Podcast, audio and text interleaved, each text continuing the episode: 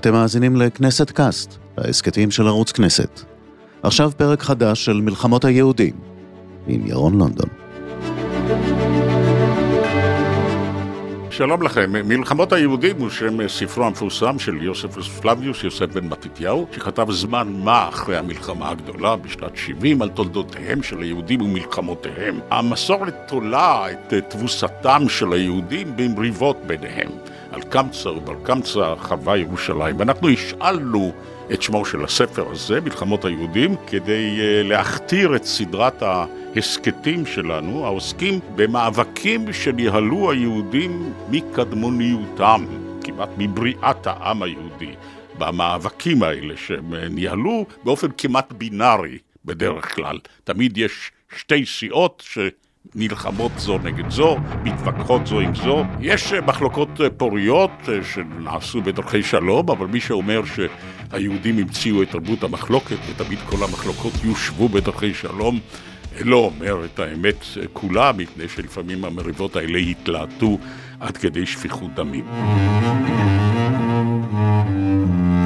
תכופות אנחנו, היהודים, מחניפים לעצמנו, ואומרים שאנחנו פיתחנו איזה טכניקה של תרבות מחלוקת, ותרגלנו אותה תוך כדי ויכוחים חריפים אך ידידותיים כדרך ליישובם של מריבות. והדוגמה שמביאים כמופת לסוג כזה של ויכוח תרבותי היא לעיתים קרובות אה, המחלוקת בין בית הלל לבית שמאי, בין שתי הדמויות האלה, הלל ושמאי, שחיו בערך בתקופה שבה חי ישו. זאת אומרת, תחילת הספירה הנוצרית בערך. אנחנו נשוחח על כך עם אה, הפרופסור אה, ישי רוזן צבי, שהוא ראש המחלקה לפילוסופיה יהודית באוניברסיטה של תל אביב, והוא גם עמית אה, מחקר בכיר במכון הרטמן. נלמד מי הם בעצם שני האנשים האלה, הלל ושמאי. אז אני כבר אמרתי שהם חיים בסוף התקופה שלפני תחילת הספירה הנוצרית ואחריה. ביהודה, בארץ ישראל. תן לנו מושג מה היה האקלים התרבותי, הכלכלי, הפוליטי. אנחנו יודעים שהרומאים שולטים בארץ.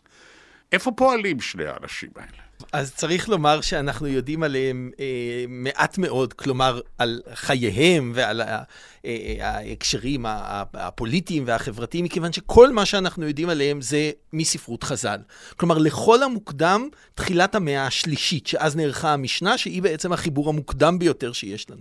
הלוואי, הלוואי ש, שהם היו נזכרים בברית החדשה, או בכתבי קומראן, או אצל יוספוס, כן? אולי יוספוס, הוא מזכיר איזה שמעיה אחד שהתנגד לסנהדרין, אז אומרים אולי זה שמאי, אבל... אה, אין לנו. זאת אומרת, מה שיש לנו זה באמת היסטוריה מעורבת בלגנדות ובסיפורי ייסוד וכולי. מה אנחנו יודעים? אנחנו יודעים שהלל ושמאי, שככל הנראה היו דמיות היסטוריות, חיו בז, באמת בזמנו של ישו, אמ, והם היו ככל הנראה פרושים. עכשיו, זה, זה בעצם, הייתי אומר, הבסיס הטוב ביותר שיש לנו מבחינה היסטורית. הפרושים הם אה, עורכי דין. אה, כן, הפרושים הם סוג של מומחי חוק, נכון, מומחי חוק, מומחי משפט, כך מתאר אותם אה, יוספוס, וזה כנראה תיאור מהימן, זאת אומרת, הם לא כהנים, הם לא מומחי פולחן, כן?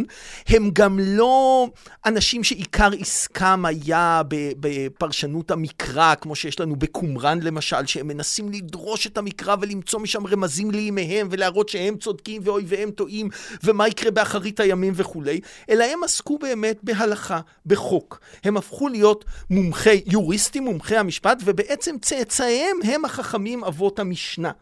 זו גם כנראה הסיבה שהחכמים שרדו די בקלות את החורבן כשמתחריהם בעצם נפלו. כי מתחריהם היו קשורים בעבותות אבים אל המקדש, אל עולם המקדש, אל העולם של הטהרה, אל העולם של הפולחן, ולכן הם לא התאוששו, אנחנו לא פוגשים את הצדוקים אחרי החורבן, אנחנו לא פוגשים את האיסיים, אנחנו לא פוגשים את, את, את אה, כיתות ים המלח, כן? והחכמים בעצם המשיכו עם ה... מסורת הבית מדרשית שלהם. יוחנן בן זכאית. נכון. המקדש נהרס, ירושלים חרבה. יהודים יותר מאוחר אפילו לא הורשו להתגורר בה, אז איפה הם חיים? כן, אז המסורת מספרת שיוחנן בן זכאי מבקש את יבנה. נכון? כן, כמקום ובנותיה. שממנו, כן, שממנה הוא יבנה את אה, עולם התורה, ובאמת, אנחנו פוגשים את ראשית עולם החכמים לאחר החורבן ביבנה, ביהודה, ואחר כך בגליל, באושה, בבית שערים, כן, אחר כך בטבריה וכולי, ושם החכמים פועלים. בקבוצות די קטנות, כנראה בהתחלה ממש במין, אה, אתה יודע, רב ותלמידיו, מתחת לתאנה ומתחת ל... כן, המסורת מספרת על כרם ביבנה, זה היה כרם, הם ישבו מתחת לכרם כי יש שם צל וכולי. אחר כך מתפתחים בתי המדרש הגדולים, אגב, בעיקר בבבל. כלומר, מוסדות גדולים עם המשכיות, אתה יודע, עם ראשי ישיבה שממשיכים, זה קורה בבבל, זאת כבר מסורת אחרת. אבל זו המסורת הפרושית ש... אה, אה, שבה פעלו כנראה אה, הלל ושמאי. שני, שני האישים האלה, שלדבריך מעט מאוד ידוע לנו עליהם, חיים בארץ ישראל. נכון. איפה אנחנו יודעים? בירושלים? מן הסתם. מן הסתם, מן הסתם בירושלים, כי זה, זה המרכז, יכול להיות שבמקומות אחרים ביהודה, אבל זה המרכז, כך, כך הם, הם מתוארים. לפי המסורת, הלל עולה מבבל, אנחנו לא יודעים, אבל יש להם עניין חשוב. למה הוא נקרא הזקן? למ... הלל הזקן? כן, אז אה, אה, זקן זה חכם. Aha. זאת אומרת, זה תואר של אה, כבוד, כן? פעם היה כבוד לזקנים. אני מניח שמי שלמד ב, בישיבה, או אפילו בבתי ספר דתיים אה, של הזרם הדתי, המוסדות הטובים, יודע משהו על המחלוקת בין שתי האסכולות האלה. אני, שלא למדתי שם, יודע מעט מאוד, ואני מניח שרובנו כאלה. אנחנו לא יודעים הרבה. מה שאנחנו כן יודעים, זה ששני האנשים האלה מייצגים באיזשהו אופן, כנראה סימבולי בעיקר, שתי, שני סוגים של אופי אנושי, לא רק של אסכולות.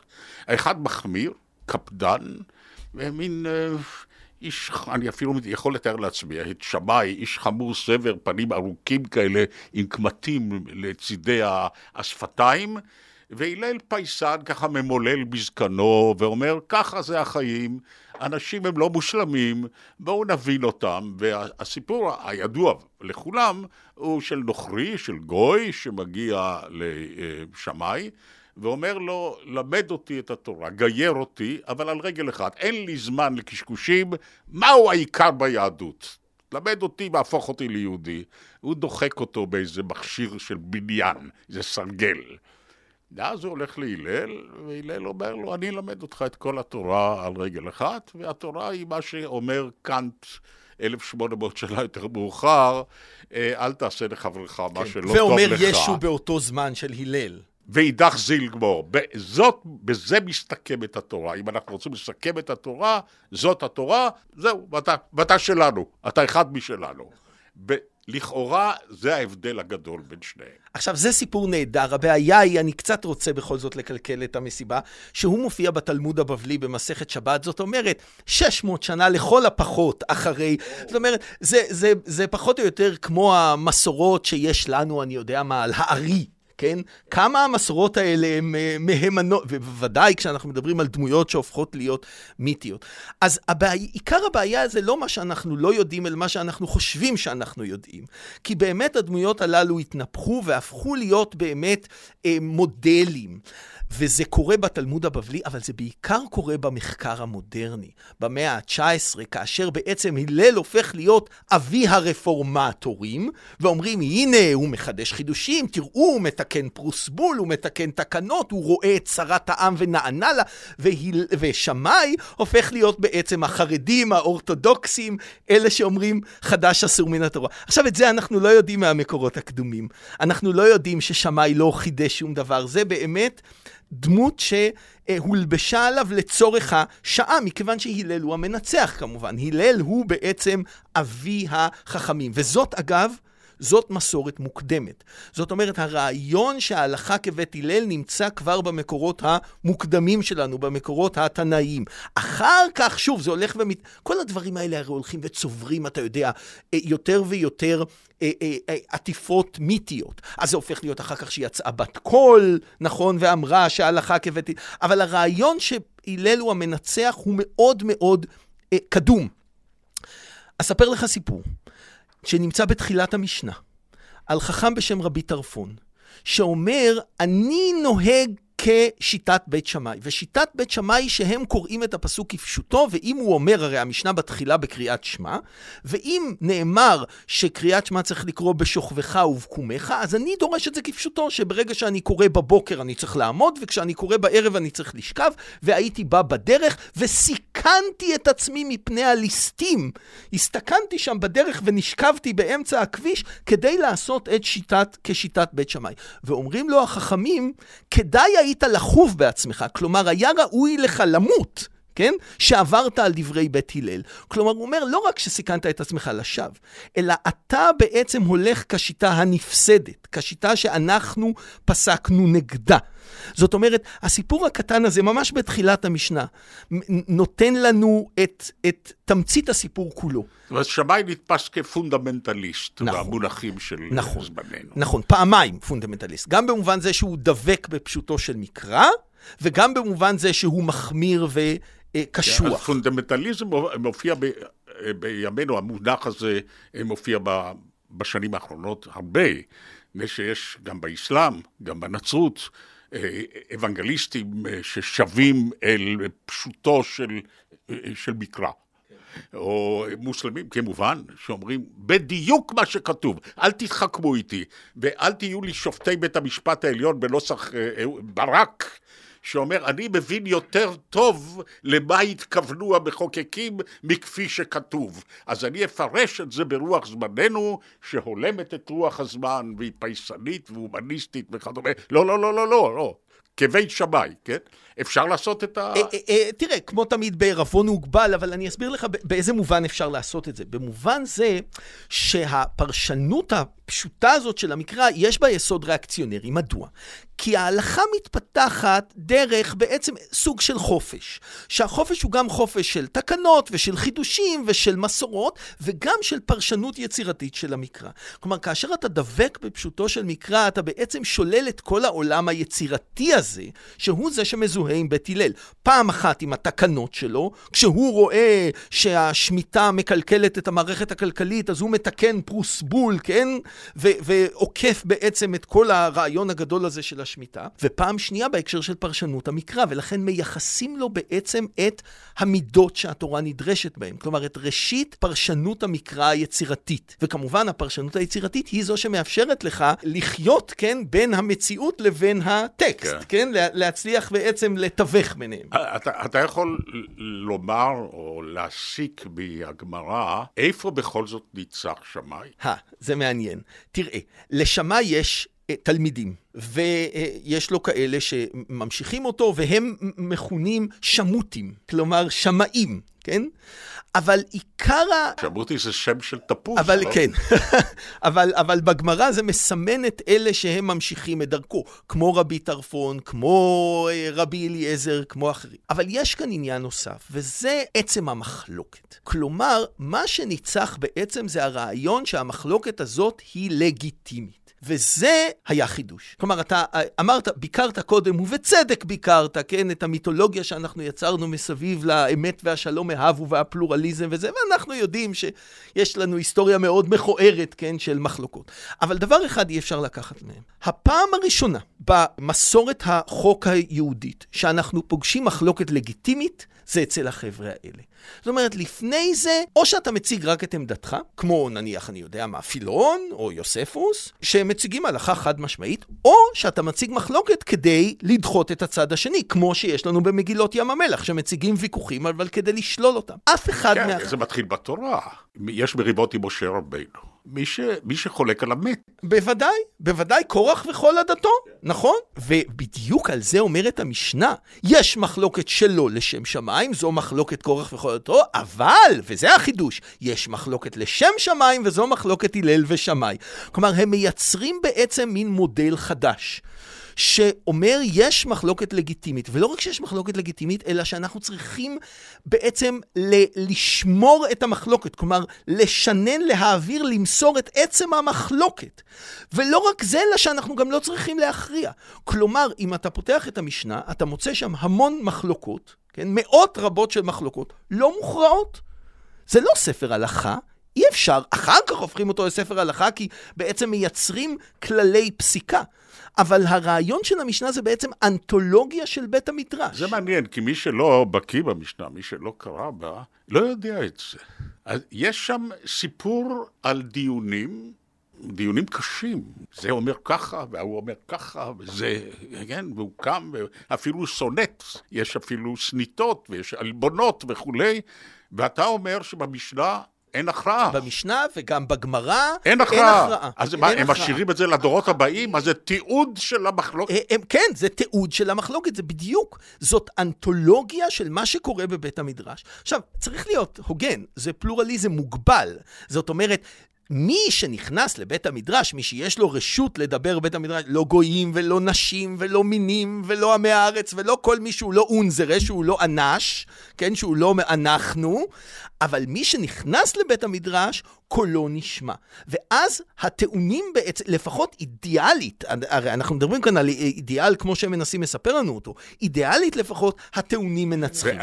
ומתי אתה חורג מתוך המסגרות המותרות, ואתה הופך לאלישע בן אבויה האחר שהולך ל... אה, מהו הגבול? טוב, אז יש להם הלכות כאלה, הלכות זקן ממרא.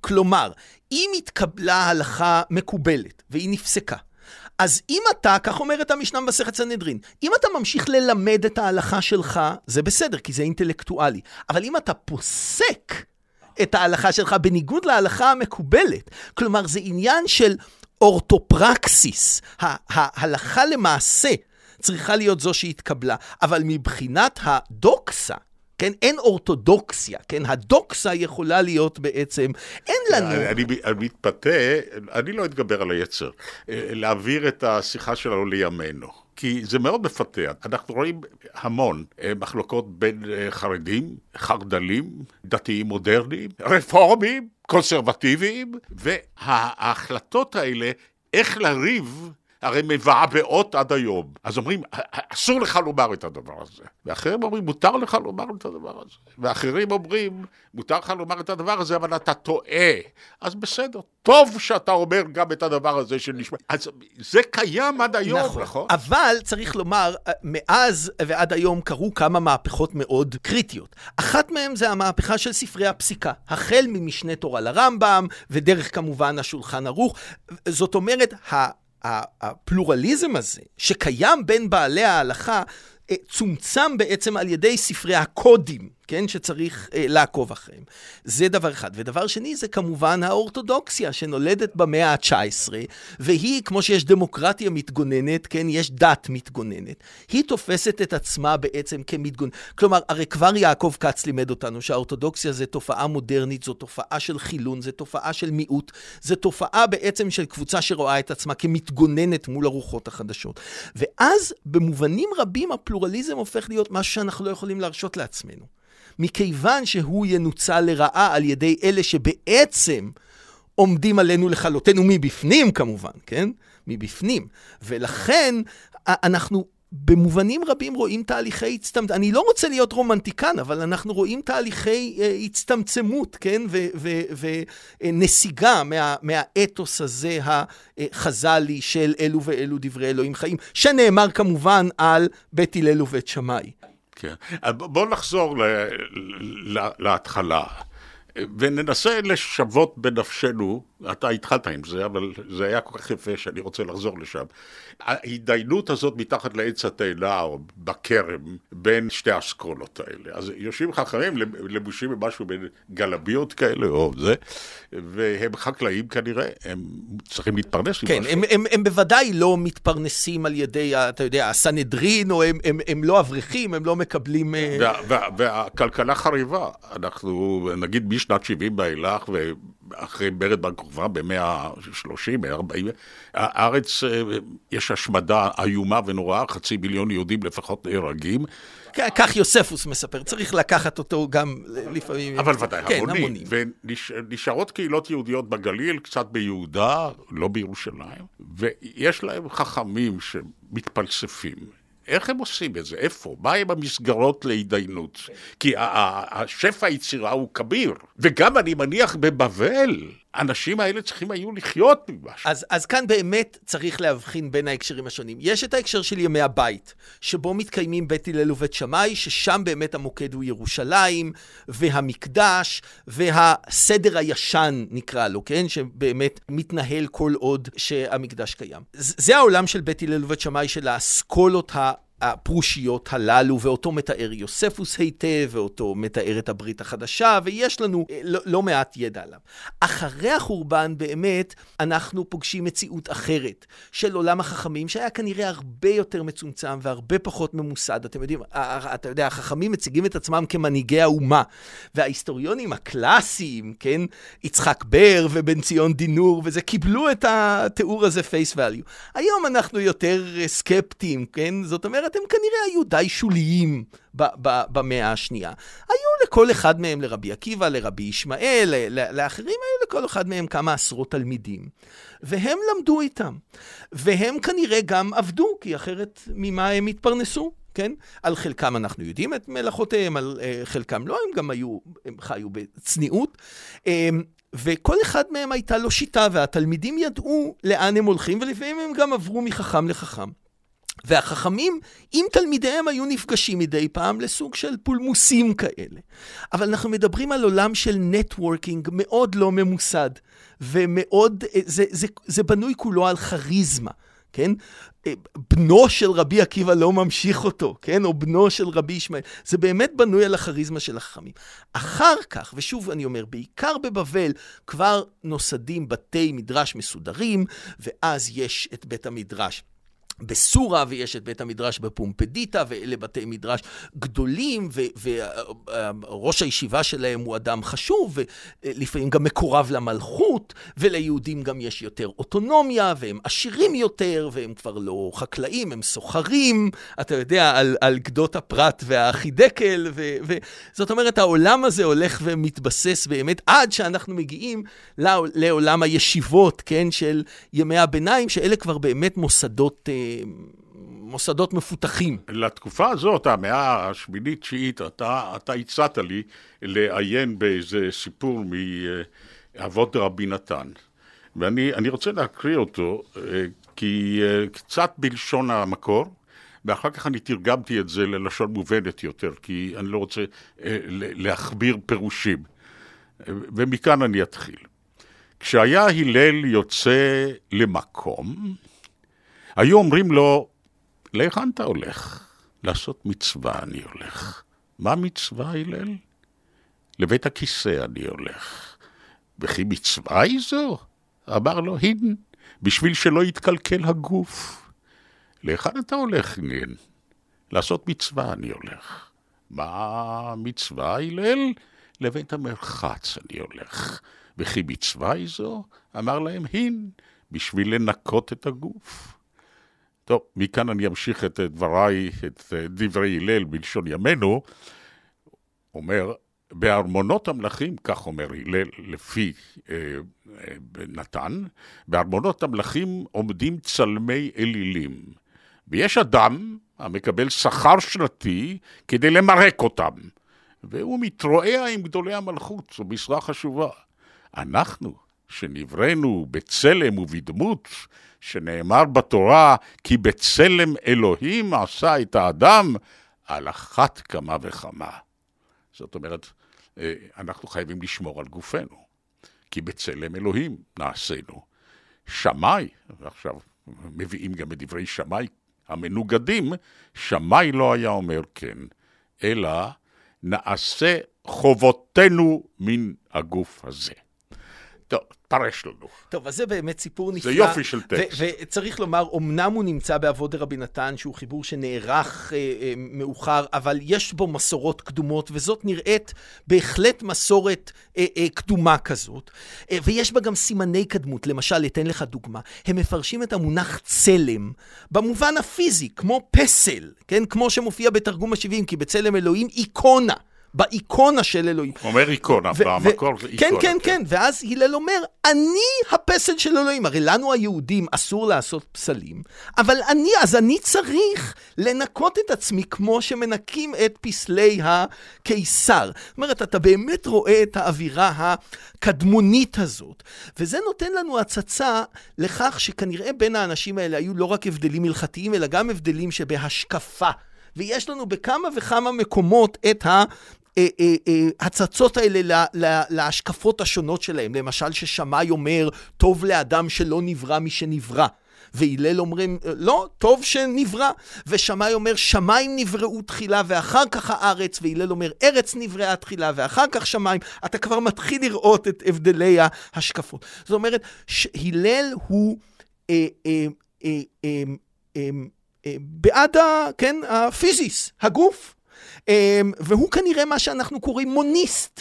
כלומר, הוא לא מקבל את ההפרדה הזאת בין האני לבין גופי. שמאי, לעומת זאת, מה זה הגוף הזה? צריך להבין, הגוף הזה זה אומר שאני אינני גופי. יש לי גוף, כמו שיש לי אוטו, שיש לי דירה, ואני צריך לסדר אותם, כן? לעשות את המינימום ההכרחי. עכשיו, מניין אנחנו מכירים תפיסות כאלה שבזות לגוף? אנחנו מכירים אותם משני כיוונים שונים. אחד זה מהכיוון באמת ההלניסטי-דואליסטי, כמו אפלטון. נכון? אפלטון אומר, אני זה נפשי, הנפש היא האני האמיתי, והגוף שלי הוא בעצם מין סוג של לבוש. אבל יש עוד אסכולה שדבקה בעניין הזה של בזות הגוף, וזה מה שאנחנו פוגשים בה, אה, אה, במגילות ים המלח. הם לא הלניסטים, אבל הם בזים לגוף שלהם, הם אסקטים, נכון? הם נזירים, הם רואים בגוף סוג של מכשול. ובאמת אנחנו פוגשים הקבלות מאוד מעניינות בין אה, שמאי וההלכה השמאית לבין מה שיש לנו בקומראן במגילות ים המלח. מאוד מחמיר, מאוד קשוח, מאוד שוב אה, דבק בפשוטו של מקרא. כלומר, לאן שאנחנו לא מסתכלים, הלל הוא המהפכן הגדול, כן? שבאמת, אה, אה, אה, זה לא סתם שעולם החכמים דבק בו, הוא דבק בו כי הוא בעצם נותן להם את הכלים. כן? ליצירה חדשה, לקימום של העולם הגדול הזה של תורה שבעצם. ואתה משער שאפילו הדיוניסיות הזו, ההכרה בערכו של הגוף, או המוניזם, היא השפעה של, של הלניזם? כי אנחנו צריכים לזכור שב-330 מגיע אלכסנדר מוקדון לכאן, מכאן ואילך, בעצם ההלניזם הוא אה, מציאות תרבותית. אה, מאוד חזקה בתחומי ארץ ישראל. אבל, אבל ההלניזם, יש בו, כמו שכבר ניטשה לימד אותנו, הוא חרב פיפיות. יש בו דיוניסיות, כמובן, וחיבוק החיים וכולי, ואחר כך בתרבות הרומית שמאמצת אותו, אבל יש בו גם, בעיקר בפילוסופיה ההלניסטית, דואליזם עמוק. כן? שאומר יש גוף ויש פסיכה ויש נפש. פילון למשל, שהוא הלניסט, הוא דואליסט קיצוני מבחינה זאת, כן? הגוף מבחינתו הוא uh, הפרעה. אני חושב שה... הלל, הפרושים ואחר כך גם חז"ל, הם בעצם ממשיכים את האתוס המקראי, שהוא אתוס אה, מוניסטי. הוא לא מכיר בהבחנות האלה. ולכן חז"ל, זה נושא שאני עסקתי בו הרבה... בוא, בוא תנסה להוכיח לנו את זה.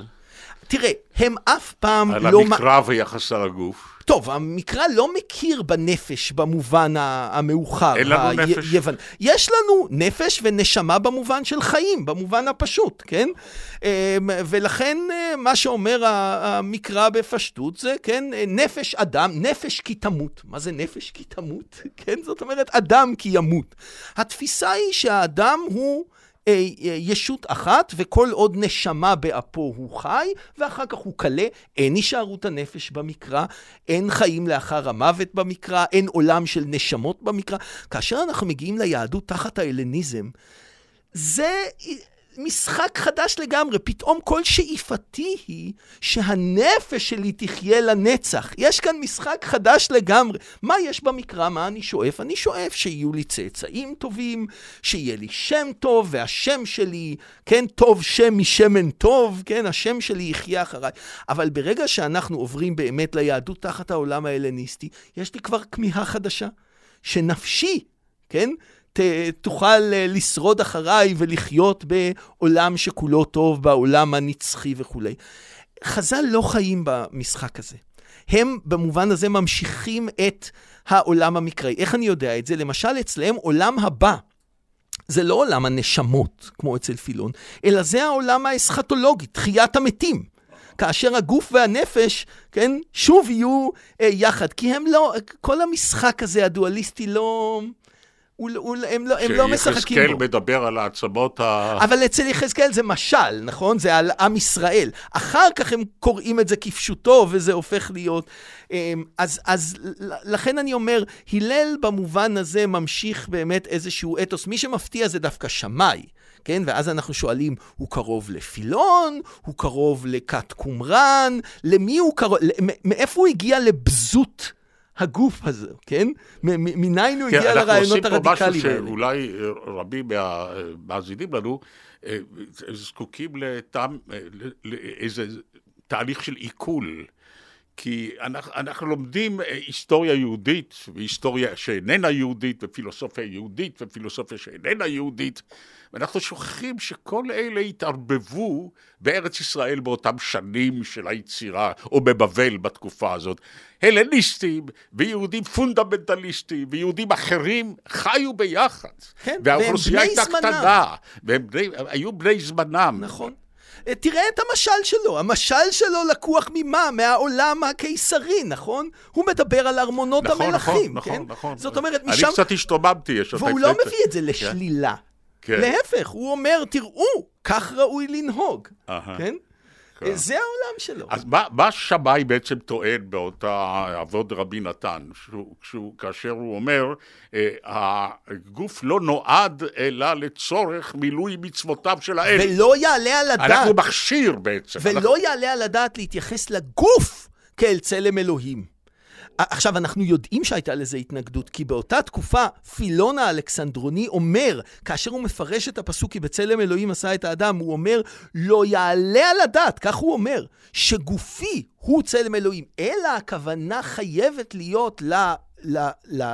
לפסיכה, כן, לנפש שלי, שהיא באמת חלק אלוה ממעל. זאת אומרת, את הפולמוס הזה אנחנו מכירים. אני, אני רוצה לחזור, אנחנו ככה מתקרבים לקראת uh, סוף השיחה שלנו, לעניינים uh, פרקטיים, פוליטיקה, שם מערערים ומגדפים ומשקצים זה את זה. ואחר כך יש פייסנים כאלה שאומרים, איך זה, זה, אנחנו, זה לא מתיישב עם המסורת היהודית. אז באים ואומרים uh, כנגדם, בעצם מה אתה רוצה? אנחנו לא יורים זה בזה. זה דווקא טוב שאנחנו שופכים את ליבנו, ולא נורא כל כך אם מגדפים זה את זה, אחרי הכל אלה רק מילים, לא יורים. אז יש כאלה שמרגישים נוח עם זה, יש כאלה שאומרים, נכון, זה הטמפרמנט היהודי, מה אפשר לעשות? או המזרחים, ככה מתייחסים זה לזה במזרח התיכון. אני רוצה לקרוא משהו שגם אותו אתה יעצת לי לחפש, ואכן חיפשתי בספר הזה, סמוך ונראה, בתוך קובץ הסיפורים של אה, ש"י עגנון, שהוא מכיר תלמוד כהלכה. והוא מספר סיפור אה, נהדר, אה, שנקרא על שני חכמים שהיו בעירנו, והוא מדבר על אה, סוג של מחלוקת. וזאת מחלוקת כנראה לא לשם שמיים. אבל נעסוק קצת בביקורת הספרות פה. מה הסיפור הזה מספר לנו? הוא על מחלוקת בין שני חכמים, שאחד נקרא שלמה והשני נקרא פנחס. אחד עני מרוד, בן של טוחן מאיזה כפר נידח, והשני בן לשושלת גאונים, והוא גם גביר גדול, גם נכסים יש לו. והם לומדים ביחד, באותו קלויז, באותו בית מדרש, העני והעשיר. העני מתקשה ללמוד. הוא מתקרבל בחורף, זה מעיל ויושב ולומד מעל חבית, כי אין לו אפילו, הוא ישן על ספסל בבית המדרש. והשיר כמובן יכול להרשות לעצמו אפילו להיות נדיב כלפי חברו העני.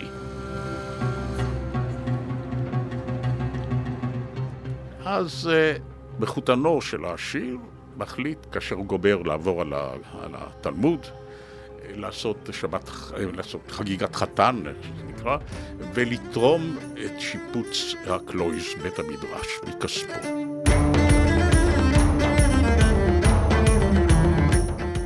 מספר עגנון, אותו חורף קשה היה והרבה חלו מן הצינה. והגביר הזקן, שזקן היה, ואיסטניס היה, ומקומו בבית המדרש קבוע היה בתוך המגרעת שלפני החלון.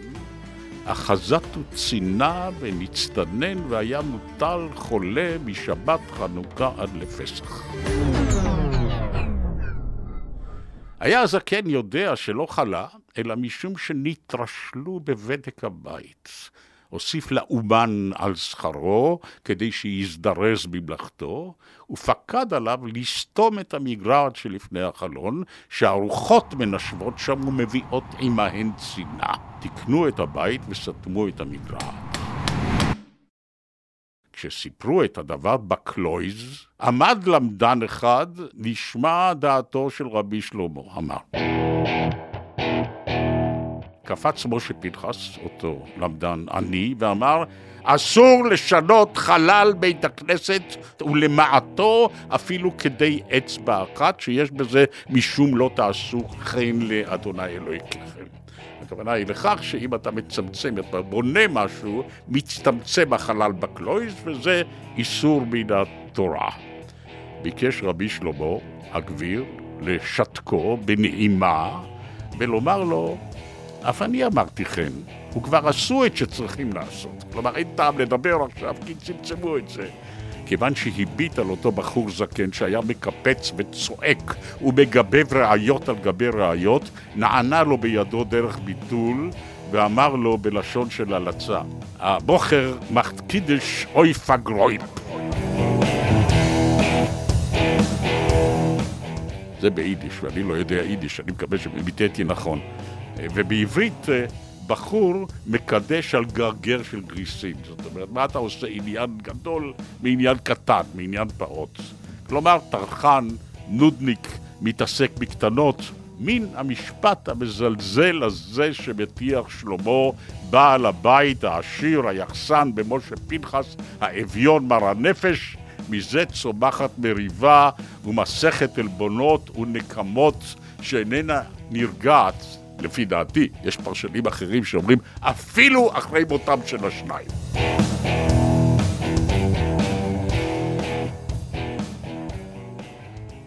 טוב, הוא היה חכם גדול ומצחיק גדול, עגנון. כמובן, זה, יש בזה ממד פרודי, הוא קצת מלגלג בנוסח מנדלה על חוכמות העיירה. אבל בכל זאת זה נפלא, זה סיפור נפלא. הוא גם מצחיק וגם מר, וגם ביקורת על הבדלי המעמדות בחברה היהודית בעיירה. איך אתה מבין את זה על רקע כל מה שדיברנו? כן, אז אתה יודע, קודם כל זה לא סתם שדורות על דורות, כן, שואלים את עצמם האם הוא מזלזל או מתגעגע, כן, האם זה בנוסח ההשכלה או בנוסח הרומנטיקה, ו... כי יש כאן הכל בקול. צריך לזכור מה זה קלויז. קלוי זה לא בית מדרש רגיל, קלוי זה באמת המעולים שבמעולים, שלא נושאים בשום תפקיד, ושהקהילה מפרנסת אותם כדי שהם יפלפלו. כלומר, זה ממש האקדמיה הגבוהה של השפיצים, ש... ושם הם יושבים ובאמת הם מצאו להם דבר להיענות בו. ויש שם באמת אה, משהו שכאילו מכניס מין, אה, מתנכר לכללים של הקלויז, כי הכללים של הקלויז זה שאין דבר קטן מדי. כן, מכדי להתדיין בו. אז יש כאן איזה עימות בין עולם הגביר, עולם בית הכנסת, עולם ההלכה למעשה, עולם שבו צריך להכריע, וש, ושגם יש פוליסי, יש מדיניות, לבין העולם של הקלוי, שכל דבר כזה הוא הזדמנות, כן, לפלפל על קוצו של, של יוד. ו, ו, um, עכשיו אפשר לדבר על הנושאים ההלכתיים כאן, שהם מאוד מעניינים, אבל אני רוצה להעיר דבר אחר, והוא שבעצם עגנון עולה כאן בדיוק על השניות של עולם המחלוקת הבית מדרשי, שבו מצד אחד הכל מחלוקת, והמחלוקת היא לא רק דבר לגיטימי, אלא גם כל דבר הוא הזדמנות למחלוקת, בלי מחלוקת אין תורה, אין בית מדרש. ומצד שני, המחלוקת היא לא תמיד דבר יפה.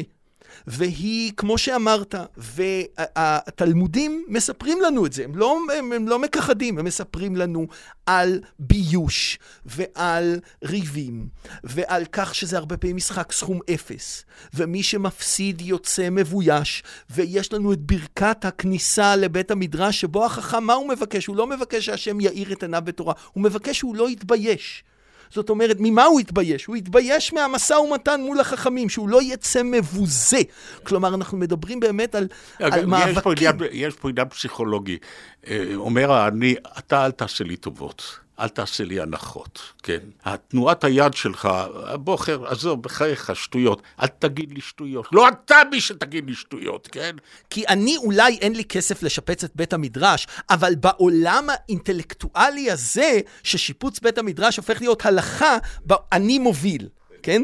זאת אומרת, זה בדיוק המשחק הכפול הזה בין עולם המעשה לבין הקלויז, שהוא באמת האידיאל של התורה לשמה.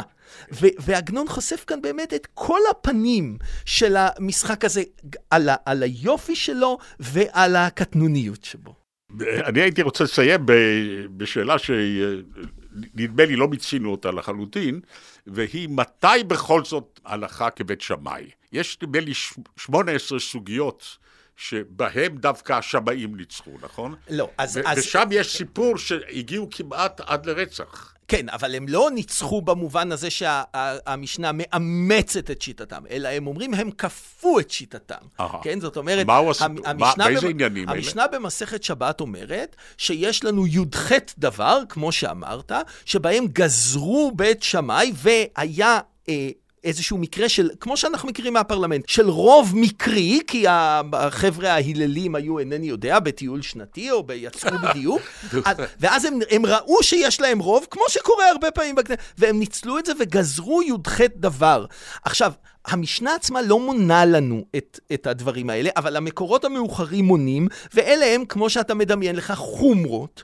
חומרות שנוגעות הרבה מהם, אגב, ליחסים עם זרים, עם אחרים, עם גויים. למשל, הם אסרו את פיתם, כן, פת עקום, כן? כל העניין הזה שאסור לאכול את תבשילי הגויים, זה מהגזרות הללו, כן? זה הגזרות האלימות. שהתקבלו על סמך רוב מקרי. בדיוק. בפרלמנט. באלימות. באלימות. נכון, נכון. פרופסור ישי רוזנצבי, אני מאוד מודה לך, זה היה תענוג עצום, ואני יודע, אני למדתי דברים שלא ידעתי, אני מקווה שגם המאזינים לנו. תודה רבה לך. תודה לך.